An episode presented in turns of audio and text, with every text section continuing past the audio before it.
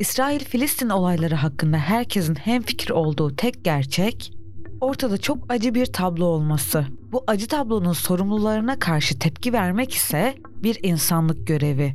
Peki bu tepkiyi doğru bir şekilde verdiğimize emin miyiz? İsrail ne zaman Filistin'e saldırsa kamuoyunda hep aynı çağrı olur. İsrail ürünlerini boykot ediyoruz. Boykot ediyoruz.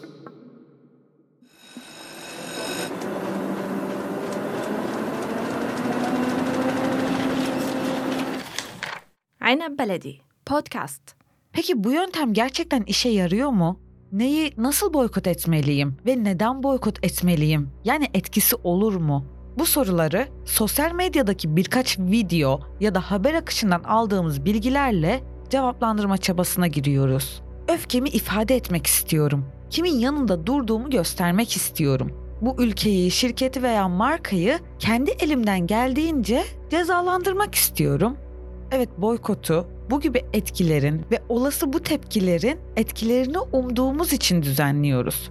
Fakat işin boyutu bir markanın dükkanına fare salmaya, kendi parasıyla aldığı içeceği yere dökmeye, 2-3 arkadaşıyla oturmuş sohbet eden insanlara şiddet uygulamaya gelince işin rengi çok farklı tonlara kaçıyor.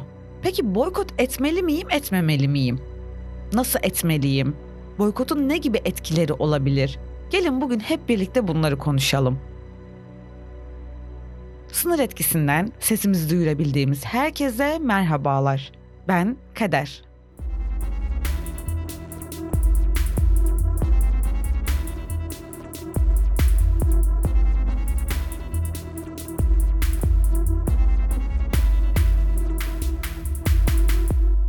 Öfkemi ifade etmek istiyorum. Bu ülkeyi, şirketi veya markayı cezalandırmak istiyorum demiştik. Diplomasiden sonuç alamayan kitleler işte tam olarak bu öfkeyle İsrail ve İsrail'e destek veren ülkelerin ürünlerine boykot yapmaya başladı. İşte boykotlar bu öfkemizin hedefi olan politikaları değiştirmek için düzenleniyor. Peki günümüze bakalım. Uzun zamandır sürdürdüğümüz boykot bu hedefi gerçekleştirmede başarılı olabiliyor mu? Gelin bu soruyu her zaman yaptığımız gibi tarihten günümüze örnekleri konuşarak tartışalım. 20. yüzyıldayız. Yıl 1908.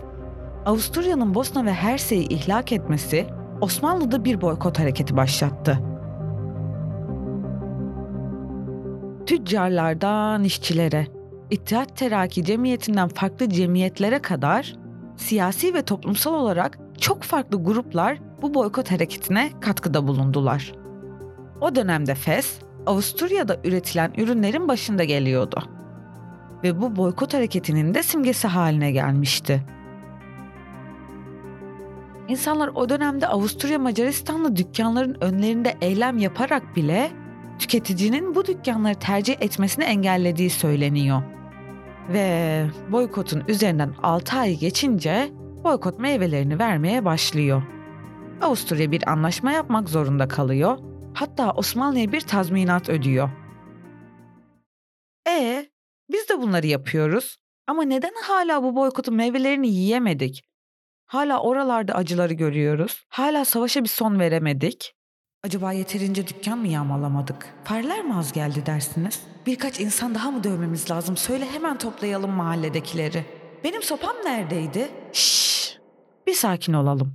O dönemi anlattım. Boykotun işe yarar bir direniş biçimi olduğunu gördük. Ancak bugünün dünyasında sermaye ilişkileri çok daha karışık. Zincir marketler diyoruz ya hani. O zincir tek renk bir zincir değil işte. Bu yüzden yaptığımız o boykotların o tek zincirin üzerinden hedefine ulaşacak ve İsrail politikasını değiştirecek dersek biraz hayali söylem olarak kalır. Ben almasam ne olacak ki aman? Benim beş kuruşumla mı bu şirketler batacak? Devletler politikalarını değiştirme yoluna başvuracak. Bu düşünceler de hepimizin kafasında var.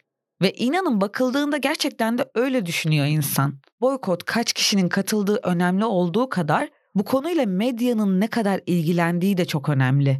Boykotu yapan kesimin şirketlere müthiş bir gelir kaybı yaşatma amaçları var desek inandırıcılığı olmaz. Hiçbirimizi ikna etmez. Fakat size şunu söylememde fayda var. Konunun sürekli gündemde olması ve medyanın sürekli bu konu hakkında konuşması demek, işte o zaman bir etki edeceği söz konusu demektir. Çünkü medyada hedef tahtasına oturtulan kurumların bir itibar kaybı yaşamasının önünü açmış oluyoruz. Yani protesto edilen şirketin hisselerinde düşme görebiliriz. E şirket de bu yüzden değişikliğe gitme zorunluluğunu hisseder. E biz nerede yanlış yapıyoruz o zaman? Nerede yanlış yapıyoruz ben size söyleyeyim. Bizim anlamak istemediğimiz nokta gerçekten iyi niyetle bir şeyleri boykot etmek istiyorsanız aklınızdan şunu çıkarmamanız gerekir. Boykotlar şiddet içermeyen önemli protesto yöntemlerinden biridir ve boykotun işe yaraması için milyonlarca insanın buna katılması gerekir. Milyonlarca insanı ikna edebilmek için de bu insanlara nefret diliyle yaklaşmamanız gerekir. Ama özellikle son günlerde restoran ve kafelerde halkı taciz edecek boyutlara ulaşan olaylar büyük provokasyonlara sebep olur ve bu olaylar boykotu amacından uzaklaştırıp farklı bir boyuta getirir. Boykot ne demek? Yapılan boykot amacına gerçekten ulaşabilir mi? Bir restorana fare atmak boykot mudur? O markanın kafesinde kahve içenlere saldırıp önlerindeki kahveleri dökmek fayda sağlar mı boykota? Bu soruları sorun biraz kendinize. Birbirimize saldırmak aslında yapılan boykotu baltalamaya, manipüle etmeye neden oluyor. Yaşanan olaylar şiddete, yaralanmaları hatta böyle devam ederse ölümlere bile neden olabilir. Orada o firmanın kahvesini içen kişi ve kişilere saldırmak boykotu başarıya ulaştırmaz. Aksine o kişilerde kin ve nefretin oluşmasına, ürünleri daha fazla kullanmasına neden olur. Ki günümüzde de sosyal medyada takip ediyorsanız eğer boykot meselesi ikiye ayrılmış durumda. Daha adil bir dünyaya ulaşmak için boykot önemli bir güç.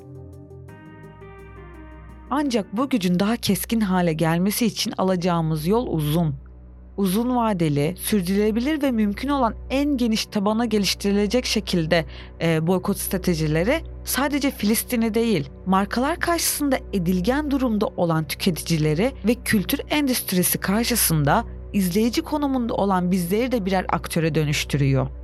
Paylaşılan listelerdeki ürünlerin boykot edilmesi her bir bireyin kendi vicdanlarına ve protesto yöntemlerine bağlı bir tercihtir. Herkes kendi değerlerine ve inançlarına göre hareket etme hakkına sahiptir öncelikle.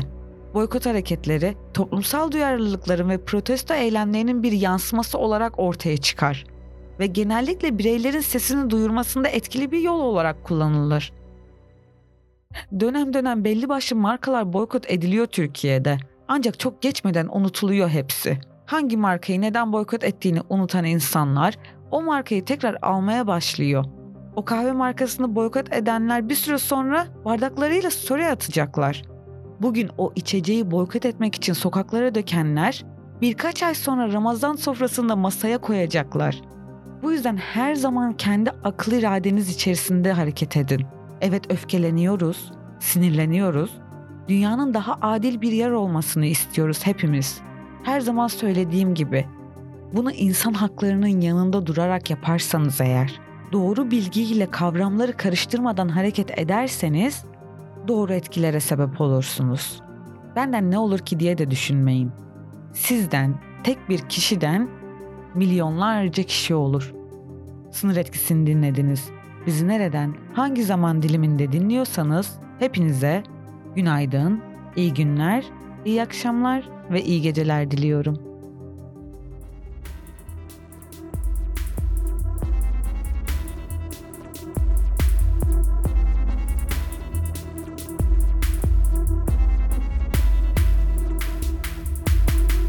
Sınır Etkisi programını Apple Podcast, Google Podcast, Spotify, Stitcher, SoundCloud platformları üzerinden dinleyebilir ve konu hakkındaki görüşlerinizi bize iletebilirsiniz.